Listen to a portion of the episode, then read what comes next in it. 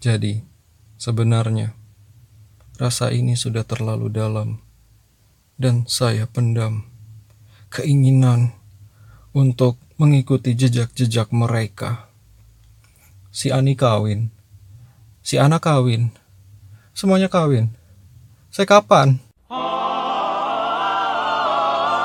Alfa Bicara Podcast, halo kamu semua.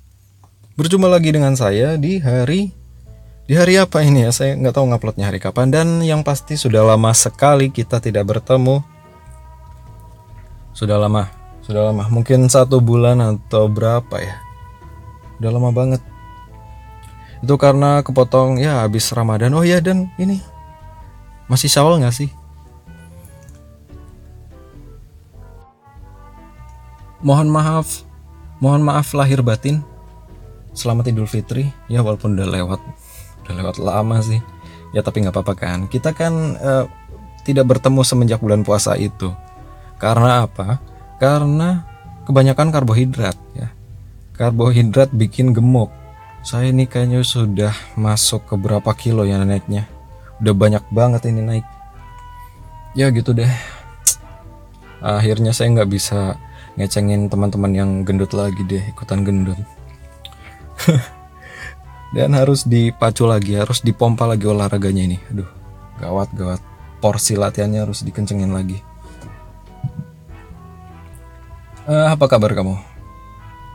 Bagaimana kegiatanmu hari ini? Kerjaanmu? Apakah baik-baik saja atau semoga, sih nggak ada halangan apa pun yang berarti ya? Ya gitu deh. Saya tadi habis ngetek tapi setelah saya bikin skripnya dan ternyata nggak sampai satu jam cuma 10 menit. Hmm. aduh lapar. Cuma 10 menit jadinya ya saya ngerekam lagi. Ngerekam lagi. Hmm ya gitu deh.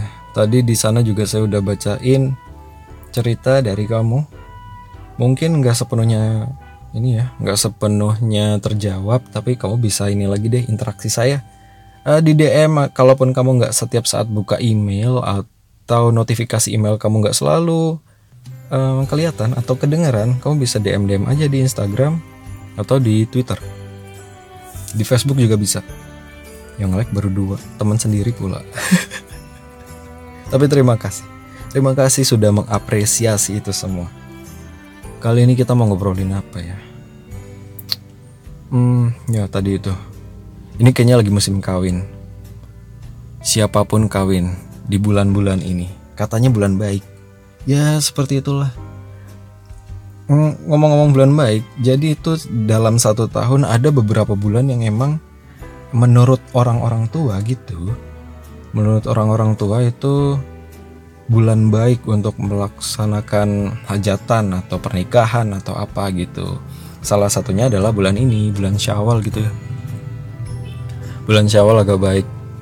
Enggak agak lagi sih emang Nyatanya semuanya pada nikah di bulan ini. Dan gitulah, selain bulan baik juga ada bulan yang katanya pamali gitu. Nggak boleh buat dijadiin hmm, hari untuk menyelenggarakan hajatan atau gitu dah. Salah satunya kalau nggak salah tuh bulan suro gitu ya. Satu suro. Di tongkronganku ada anak yang gini. Ah, semuanya nikah di bulan sawal. Saya nggak mau ah saya mau di bulan suro aja. Anti mainstream gitu anak indie gitu. Situ kalau mau. Kan yang namanya nikah itu menentukan harinya bukan bukan kita doang kan. Bukan antara aku dan kamu atau laki-laki dan perempuan aja kan. Itu masalah urusan keluarga masalahnya. Ya jadi ya agak lucu aja buat goyonan aja. Jadi ya umur saya ini udah 27 ya 27, 25 tahun ke atas. Jadi buat kamu yang belum merasakan ditanya-tanyain orang atau keluarga dekat atau keluarga besar kapan nikah, mungkin agak bingung. Mungkin sih, mungkin juga enggak karena makin ke sini banyak juga kok yang nikah-nikah muda. Umur 20, 21, 22 udah mulai nikah. Dan gitu deh. Dan kenapa nggak semua orang itu bertemu jodohnya di umur-umur seperti itu. Biasanya itu perempuan kalau di Indonesia. Umur-umur 22 paling nggak patokan maksimalnya itu 25 kayak gitu.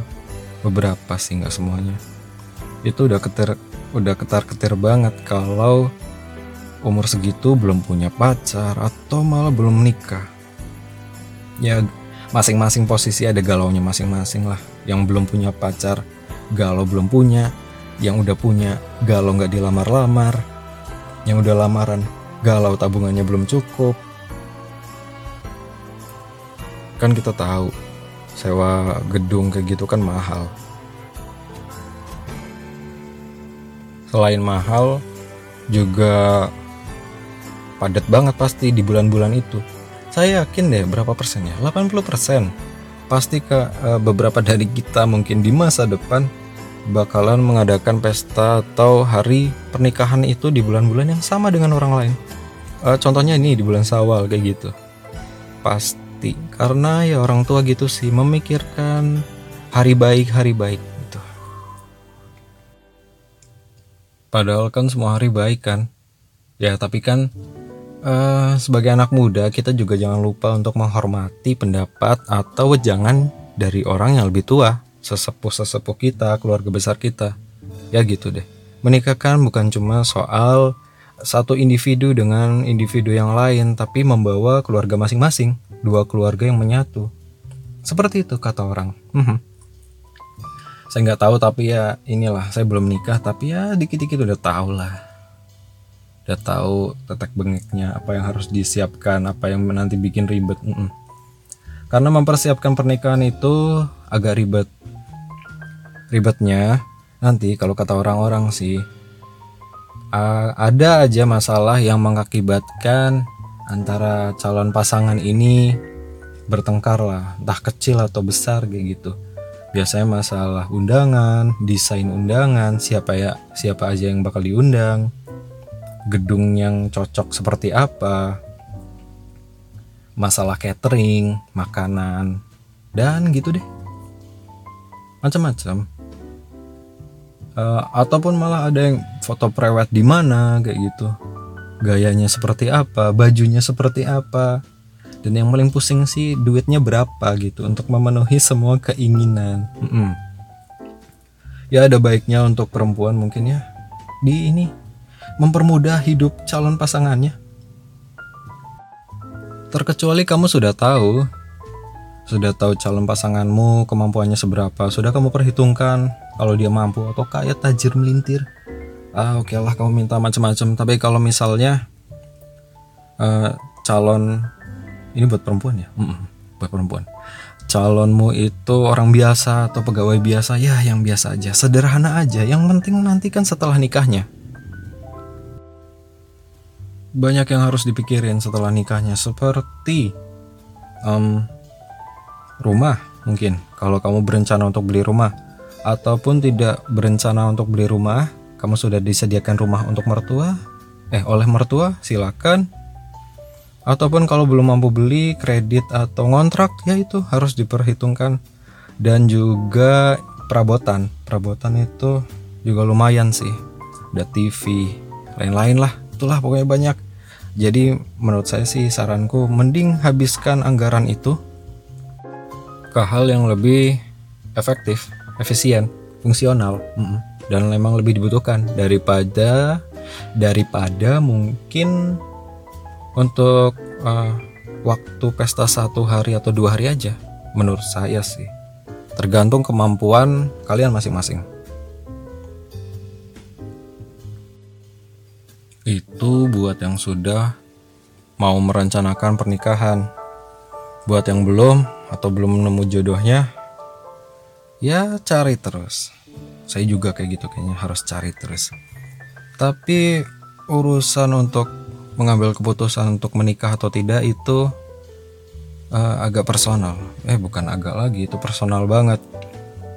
Saya selalu punya pertanyaan apa yang mengharuskan saya untuk menikah ya selain selain soal urusan agama ya sunnah rasul. Sunnatullah mm jangan mikir macam-macam ya. Tuh kadang anak-anak ini yang suka guyon kadang sunnah rasul. Sunnah rasul tuh ngeselin sih. Jadi uh, kesannya itu mengarahnya ke situ doang tapi ya gitu deh. Selain soal agama apa sebenarnya yang harus menjadi latar belakang saya untuk menikah seperti karena tidak semua orang punya pikiran normal beberapa orang punya pikiran yang agak nggak normal seperti kenapa sih saya harus menikah apakah harus ada partner dalam hidup karena selama ini saya bisa menyelesaikan tugas-tugas saya sendiri, mengisi rumah sendiri, mengatur waktu sendiri, keuangan sendiri. Kenapa saya harus menikah? Ataukah hanya alasan psikologis? Harus ada yang menemani, membantu pekerjaan?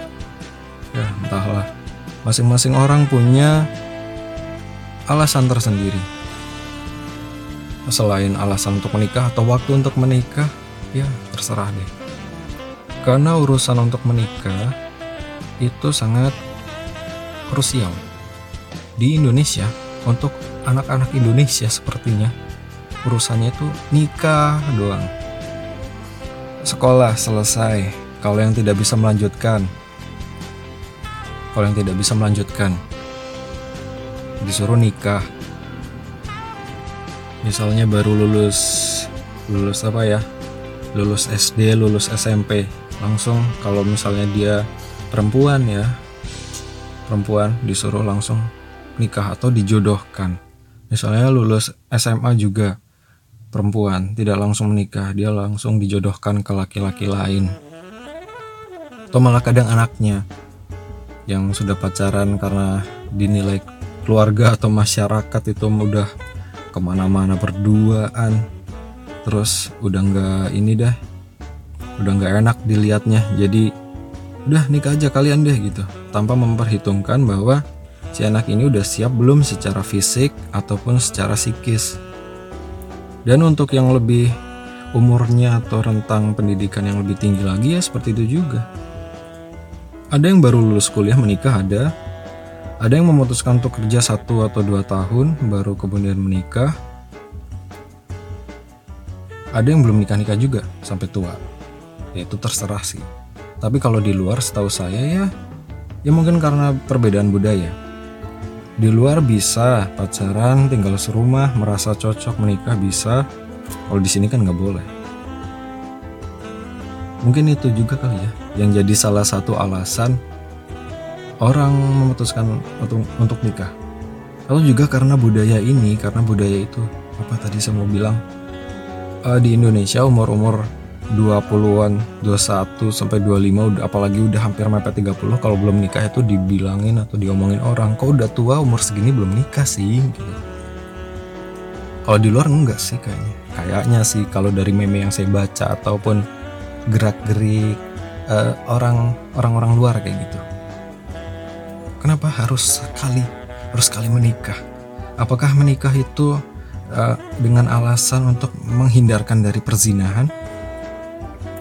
Nyatanya dalam pernikahan juga ada dan banyak kasus perselingkuhan ataupun nggak sampai selingkuh tapi goda-godain misalnya partner kerja.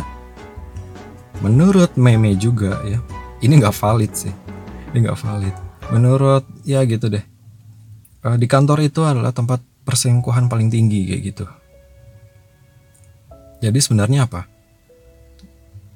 Uh, tujuan untuk menikah kalau nanti menikah akhirnya jadi muncul lagi, patah lagi alasan untuk menikah. Misalnya tadi uh, tujuan menikah untuk menghindarkan dari zina. Lalu apakah um, tugas hidup atau beban hidup itu harus dibagi ke orang dalam ikatan satu ikatan pernikahan? Saya sih setuju tapi bisa benar bisa enggak. Bisa berhasil bisa tidak. Mungkin sih. Karena nanti dalam pernikahan itu pasti ada masalah. Itu sudah pasti. Semerasa cocok apa pun kamu dengan pasanganmu kali ini, ketika memutuskan untuk menikah, tinggal satu rumah dalam satu hubungan dan tujuan uh, rentang waktu menikah kan unlimited sih. Kita nggak tahu sampai berapa tahun dipisahkan oleh apa sih. Kita kita itu tidak tahu kan. Tapi um, malah mungkin kalau di agama saya mungkin antil jannah gitu ya. Sampai ke surga mungkin. Kita nggak tahu. Tadi mau ngomong apa lupa. Sial. Ya gitu jadi apa sebenarnya? Itu problem pribadi. Saya kenapa belum memutuskan untuk menikah? Karena belum menemukan calon yang pas. Karena uh, mungkin ada sedikit trauma dari masa lalu. Ya mungkin sih tapi nggak terlalu banyak. Mungkin dari finansial ya mungkin ya itu. Finansial mungkin 50 persennya dan lainnya karena saya belum menemukan alasan yang pas. Karena sejauh ini mungkin itu salah satu alasan orang lain juga ya belum menikah. Mungkin ada adalah masalah di masa lalu. Merasa ada beban di masa lalu di hubungan yang lalu. Contohnya kalau saya bercerita saya merasa selalu ada yang tidak pas gitu. Dalam hubungan misalnya waktu saya pacaran. Waktu saya pacaran itu sering sering banget cekcok masalah inilah sedikit dikit jadi masalah dan saya itu uh, malah jadi sangat pemarah gitu bawaannya. Kalau sedikit ini salah jadi marah nggak dapat kabar jadi marah gitu. Zaman dulu. Dan saya merasa waktu pacaran itu tidak menemukan apa ya tidak menemukan tujuan sebenarnya tujuan saya tujuan kami bersama-sama itu apa gitu? Apakah cuma seperti teman dekat atau sahabat dekat yang bebas cerita um, ngalor ngidul dan bisa kontak fisik gitu? Saya nggak tahu. Tujuannya tuh untuk apa? Apakah buat nemenin saya doang kalau kesepian, uh, killing time gitu dengan seseorang, atau nemenin pas nongkrong, atau bantuin tugas? Saya nggak tahu. Itu sih, mungkin beberapa, beberapa orang juga merasakan. Tapi bukan berarti saya nggak mau nikah sih. Nanti di waktu yang pas mungkin. Saya anggap ini adalah salah satu dari bagian pelajaran pembelajaran, proses pembelajaran saya mengenali apa yang benar-benar akan saya hadapi nanti. Ya mungkin pengaruh dari keluarga sedikit besar. Beberapa dari kita lahir dari latar belakang keluarga yang berbeda-beda. Ada yang utuh, ada yang retak, ada yang panas, ada yang dingin, ada yang pecah, tidak semuanya sama. Dan menurut saya, apa yang terjadi di keluarga atau yang dilakukan oleh ayah atau ibu dalam satu keluarga itu sangat mempengaruhi ke karakter si anak atau ingatan si anak. Mungkin ingatan apa ya? Ingatan yang dalam gitu di memori alam bawah sadar mungkin menurut saya jadi sedikit banyak memengaruhi sifat dia lalu um, trauma dia cara dia menyelesaikan masalah atau sifat bawaan yang diturunkan dari kalian ayah ibu itu sifat pemarah pemaaf emosional atau apa pun itu itu makanya saya sangat berhati-hati ketika saat ini sih akhir-akhir ini ketika memutuskan apakah waktunya sekarang menikah atau enggak. Karena yang saya pikirkan adalah anak. Kalau di kalau dikaruniai ya anak, tapi kan kita nggak tahu. Namanya juga kita ikhtiar, berusaha.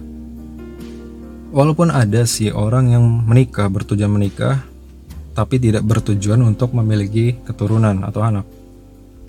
Akan tetapi kalau di Indonesia, kalau di Indonesia ini akan muncul masalah baru lagi karena tetangga-tetangga masyarakat gitu keluarga pasti bakalan tanya kamu udah berapa tahun menikah kok belum punya anak sih? Ada masalah apa gitu? Yang kurang apa? Kayak gitu. Akan muncul masalah baru. Dan mungkin akan mengakibatkan tekanan atau stres baru dalam hidup kamu diri kamu itu bersama suami ataupun istri. Ya gitu deh kalau di di Indonesia. Kamu harus lebar-lebarin apa ya? Dada lebar-lebarin pintu maaf kayak gitu. Jangan sedikit-sedikit diambil perasaan atau dibawa perasaan. Karena ini juga hmm, agak ngaco-ngaco tapi nggak apa-apa lah ya ngobrolnya.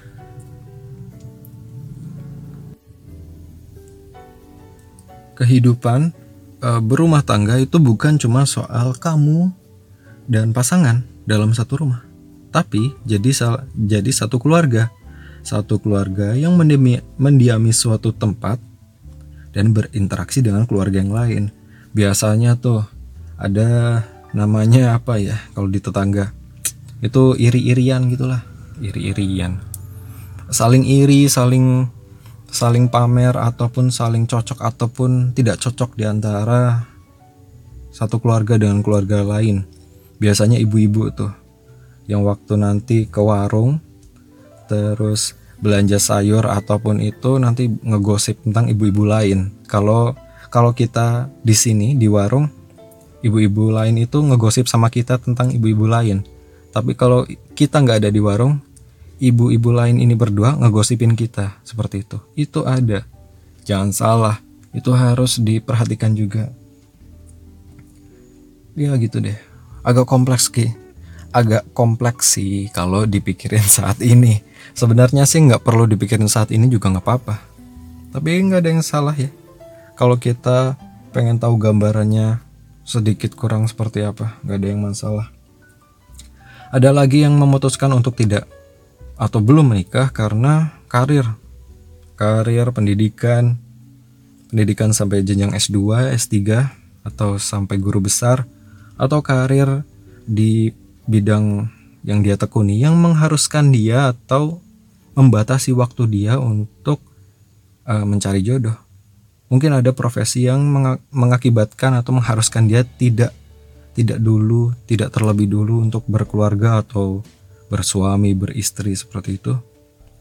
Ada yang memang karena saking sibuknya pekerjaan ini sampai uh, pergi pagi, pulangnya pagi lagi atau malam, jadi nggak sempat untuk berinteraksi dengan orang lain untuk uh, apa ya? Untuk menemukan partner romantis percintaan seperti itu. Mungkin sih ada orang yang seperti itu. Dan tiba-tiba nanti di umur berapa gitu baru kelabakan. Aduh, udah nikah semua, udah punya anak semua, saya belum apa-apa gitu. Langsung deh cari-cari informasi ke alumni, alumni apa gitu, teman-teman lama. Ada yang belum yang ada yang belum nikah belum? Ada yang udah eh belum belum punya pasangan belum? Saya mau nih gitu. Mungkin sih. Ya gitu deh. Sangat personal. Kalau menurut saya sih ya ada faktor keluarga, mungkin maaf kalau ada keluarga yang sudah berpisah orang tuanya mungkin mengakibatkan traumatik sehingga jadi agak bermasalah dengan kepercayaan maksudnya uh, kepercayaan kepada orang lain kayak gitu. Ataupun karena nggak pengen mengalami uh, atau melimpahkan rasa sakit yang sama kepada anak di masa depan jadi menunda dulu menunggu siap. Ataupun karena gaya orang tua mendidik mungkin terlalu keras atau terlalu seperti apa gitulah jadi takut. Banyak banyak faktornya dan tidak bisa dipaksakan tidak bisa dipaksakan. Tapi memang harus menikah. Apa yang membuat alasan alasan untuk menikah kalau menurut kamu? Atau apa ataukah kamu sudah uh, merasa membutuhkan uh, seseorang untuk mengisi rumah untuk untuk apa gitu? Ya gitu sih. Jadi semua orang punya latar belakang. Bukan hanya soal pernikahan ya tapi mungkin prinsip hidup atau keputusan mengambil jalan hidupnya part-part bagian-bagian jalan hidupnya mungkin ya dipengaruhi dari latar belakang keluarganya juga. Dan menurut saya emang seperti itu sih. Ya gitu. Jadi tolong pengertiannya untuk tidak terlalu memaksakan. Coba gimana ya? Gimana coba kalau kejadian seperti ini karena keluarga masyarakat dan teman-teman selalu memaksa dan menanyakan kapan menikah? Kapan menikah? Akhirnya ada orang yang oke okay deh saya asal pilih atau tunjuk seseorang untuk jadi pasangan saya gitu. Lalu kejadian menikah dan setelah menikah tah wallahu alam ya apakah merasa cocok ataupun enggak kita nggak tahu. Walaupun orang-orang yang dulu orang-orang sesepuh kita dulu ada yang menikah karena ia belum ketemu tidak pacaran menikah eh, sama-sama tidak kenal dan langgeng sampai sekarang. Ada yang seperti itu tapi ada yang enggak. Tapi ada yang enggak. Ya itu faktor banyak sih. Banyak sekali faktor yang mempengaruhi soal pernikahan itu. Tapi ya yang paling penting itu sih. Sudah siap cara secara fisik secara mental psikologis finansial dan memilih yang sesuai dengan uh, batas kemampuan. Karena kalau pacaran saya dulu pacaran sih milih yang cakep oke. Okay. kalau enggak yang masuk dah yang nyaman atau gimana. Oke ini ini ini. Nggak pakai mikir. Tapi kalau untuk menikah kayaknya karena kita menggabungkan dua keluarga. Jadi menurut saya cakep atau kaya aja nggak cukup. Um, butuh kedewasaan masing-masing. Butuh saling mengerti tugas masing-masing nantinya seperti apa. Dan lihat respon keluarganya. Misalnya kita mau lagi PDKT atau mau merencanakan lamaran atau nikah kita lihat keluarganya welcome gak sama kita. Terus sama gaya gaya kita gitu dalam ber berkeluarga atau keluarga kita. Mereka cocok gak nih? Karena kesenjangan apa ya namanya kesenjangan sosial keluarga itu akan jadi masalah baru. E, bisa kesenjangan secara apa namanya derajat itu ya pokoknya orang orang atas dengan orang biasa kayak gitu. Secara nama nama baik ataupun secara ekonomi. Kalau timpangnya terlalu timpang nanti akan ada apa ya kekagetan kekagetan budaya gitu dalam keluarga. Tapi nanti bisa diselesaikan. Bukan berarti tidak bisa diselesaikan sih kalau ada masalah itu. Tetap bisa diselesaikan. Ya tergantung kamunya nanti. Tapi sih lebih baik menyesuaikan aja. Jangan terlalu jomplang kayak gitu. Ya gitu deh. Saya jadi mikir. Hmm. Ribet juga sangat beruntung orang-orang yang pacaran dari sekolah atau kuliah itu uh, tetap setia dengan satu orang gitu berteman berkawan baik ke mana-mana bareng oke. Okay lalu masing-masing kerja dan memutuskan untuk menikah itu enak banget sih. Saya kenapa nggak pernah bisa lama kayak gitu? Saya nggak tahu.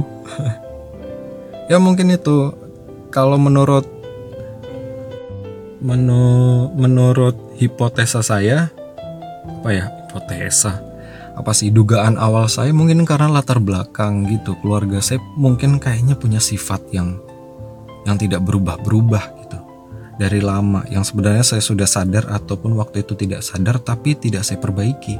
Sehingga orang-orang itu mungkin perempuan perempuan-perempuan itu tidak terlalu nyaman sama saya untuk jangka waktu yang lama. Mungkin ya seperti itu. Ya gitu deh. Tapi nggak terlalu saya pikirin, saya uh, berfokus ke hal yang lain. Hmm, jadi misalnya gini, kamu di posisi yang lagi ditanyain terus soal kapan kawin, ya um, bilang aja prioritasmu saat ini mungkin sampai bulan atau tahun ke depan itu apa dulu? Ceritain itu ke dia. Saya lagi fokus ini dulu baru memikirkan nikah kayak gitu. Misalnya fokus saya lagi fokus uh, ngejar studi saya atau profesi saya ini. Karena nggak boleh nikah dulu ataupun nanti kalau nikah takutnya fokusnya kepecah kayak gitu. Bisa ceritain seperti itu? Ataupun uh, daripada kamu nanya terus lebih baik inilah cariin saya calonnya lah. Temuin saya sama calonnya jangan nanya terus kayak gitu. Bisa. Tapi sekali lagi jangan dikit-dikit baper atau dibawa perasaan apa pun yang dilontarkan oleh masyarakat keluarga atau teman-teman kamu mereka nggak salah kok mereka cuma mencari pertanyaan atau basa-basi buat keakraban aja biar ada obrolan seperti itu. Jadi jangan sedikit-sedikit dibawa perasaan. Kalau sedikit-sedikit dibawa perasaan akan capek sendiri. Bakalan capek serius. Kamu bakal ngerasain yang namanya oh, down banget. Aduh galau nanti dikit-dikit update status di Insta Story ataupun Story WhatsApp atau Facebook ya. Kalau kamu masih pakai, ya gitu deh. Lalu kemarin juga ada yang mengirimkan email dari saya sebut aja ya kali dari Mbak Novi. Halo Novi, terima kasih. Sebelumnya terima kasih sudah mengirimkan email dan bercerita. Jadi kalau kalau kalau menurut saya saya nggak tahu usia kamu saat ini berapa. Saya nggak tahu kamu lagi sekolah, kuliah, atau kerja.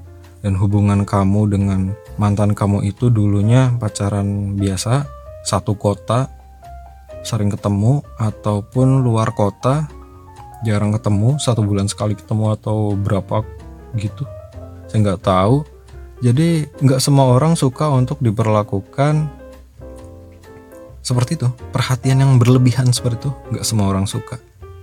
Uh, setiap kali harus nelpon harus ngabarin mau ngapain aja mau ke sini mau ke situ kayak gitu. Nggak semua orang mau dan nyaman untuk di seperti itu kan. Apalagi laki-laki. Walaupun dulu saya juga seperti itu sih.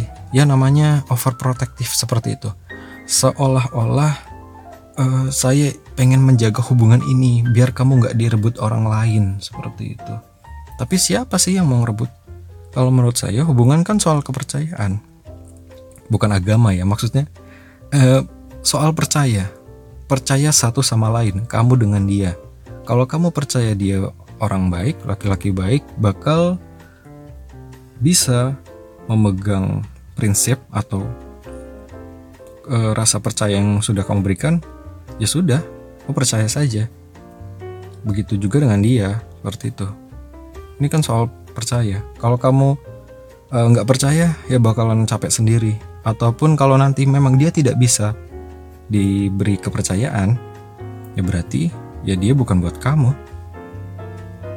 Dunia itu nggak sempit. Kalaupun gagal satu satu kali masih ada kali kedua. Kalau gagal saat ini masih ada besok selagi masih bisa napas mm -mm. jadi ya gitu deh.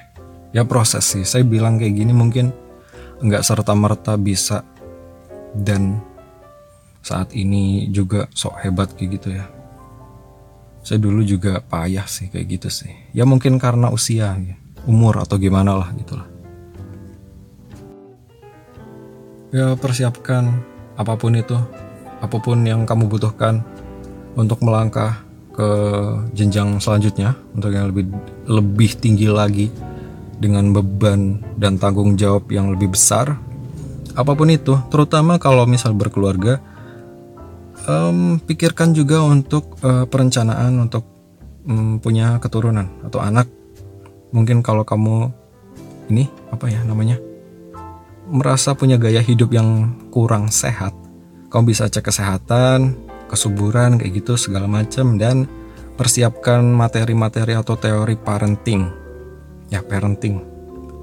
Atau ikuti kelas keluarga ya. Apa itu namanya ya? Pokoknya ikuti kelas itu buat merencanakan apa saja yang harus dilakukan setelah memiliki keturunan. Ataupun kamu bisa kalau nggak fokusmu ke keluarga atau keturunan dulu mungkin ke tempat tinggal mungkin ya bisa direncanakan itu karena ada cerita juga yang nggak betah itu hidup bersama mertua. Ya tidak bisa dipaksa sih, tapi kalau menurut saya sebisa mungkin sudah dipersiapkan setelah menikah itu tinggal sendiri. Eh, maksudnya tinggal bersama pasanganmu aja gitu, memisah dari orang tuamu dan orang tua dia. Biar nanti saling enak. Biasanya kalau misalnya tinggal di rumah mertua kita nggak enak ya sebagai menantu. Ngapa-ngapain mungkin nggak bebas. Ya ya itu tergantung dari kedekatan kalian sama mertua juga sih. Ya gitu deh. Dan ya gitu deh. Jadi nggak semua orang itu bisa menikah dengan cepat dan lancar. Apalagi saya. Ya yang tampang pas-pasan dan finansialnya juga payah ya. Tapi kamu masih bisa terus bercerita di email, di DM, di Facebook, di mana pun saya siap untuk mendengarkan kamu. Dan sekali lagi ya, saya bukan motivator, saya bukan pemecah masalah kamu, tapi saya cuma mempersilahkan kamu untuk cerita. Karena menurut saya sebagian besar orang itu pengen didengerin ceritanya pas lagi ada masalah daripada mendengarkan atau memperoleh nasihat. Ya, seperti itu. Jadi saya terbuka, asal waktunya cocok pas, saya bersedia, saya respon. Ya silakan kirim cerita di situ dan apa deh mau mau memberikan apa nasihat atau, atau apa gitu. Misalnya kamu tidak setuju dengan apa yang saya ucapkan, saya sangat terbuka karena ini bukan obrolan satu arah aja. Saya mempersilahkan kamu untuk berpendapat juga. Silahkan kirim uh, kalau di email tuh alfabicarapodcast@gmail.com. Kalau di Facebook itu halaman Facebooknya Alfa Bicara Podcast. Kalau di Instagram ada juga Alfa Bicara Podcast atau ke Instagram pribadi saya di Faiz Jelang. Di Twitter juga ada Alfa Bicara Podcast. Semuanya ada. Terserah kamu. Saya berikan uh, keleluasaan platform biar kamu memilih. Iya. Mm -mm. Dan segitu aja deh. Segitu aja saya jadi galau. Galau karena ya gitu, menemukan atau mencari sebenarnya ini tujuannya apa? Nikah itu tujuannya apa? Sedangkan apa-apa bisa sendirian. Masa tujuannya berkembang biak? Ya juga sih bisa. Tapi apa cuma itu? Gak tahu. Gak tahu. Yaudah deh. Sampai jumpa di episode selanjutnya. Uh, jangan lupa ya jaga kesehatan. Ini musimnya lagi sangat kering. Lagi dingin tapi kering. Diperkirakan akan kemarau sampai bulan November nanti. Ya, tetap jaga kesehatan, eh, banyakin minum kalau kering dan hati-hati di jalan. Selalu hati-hati dan baca doa di jalan gitu ya. Kalau be kalau bepergian. Ya, biar diberkahi oleh Tuhan. Hmm. Dan Sampai jumpa di episode selanjutnya Alpha Bicara Podcast. Signing out. Bye-bye.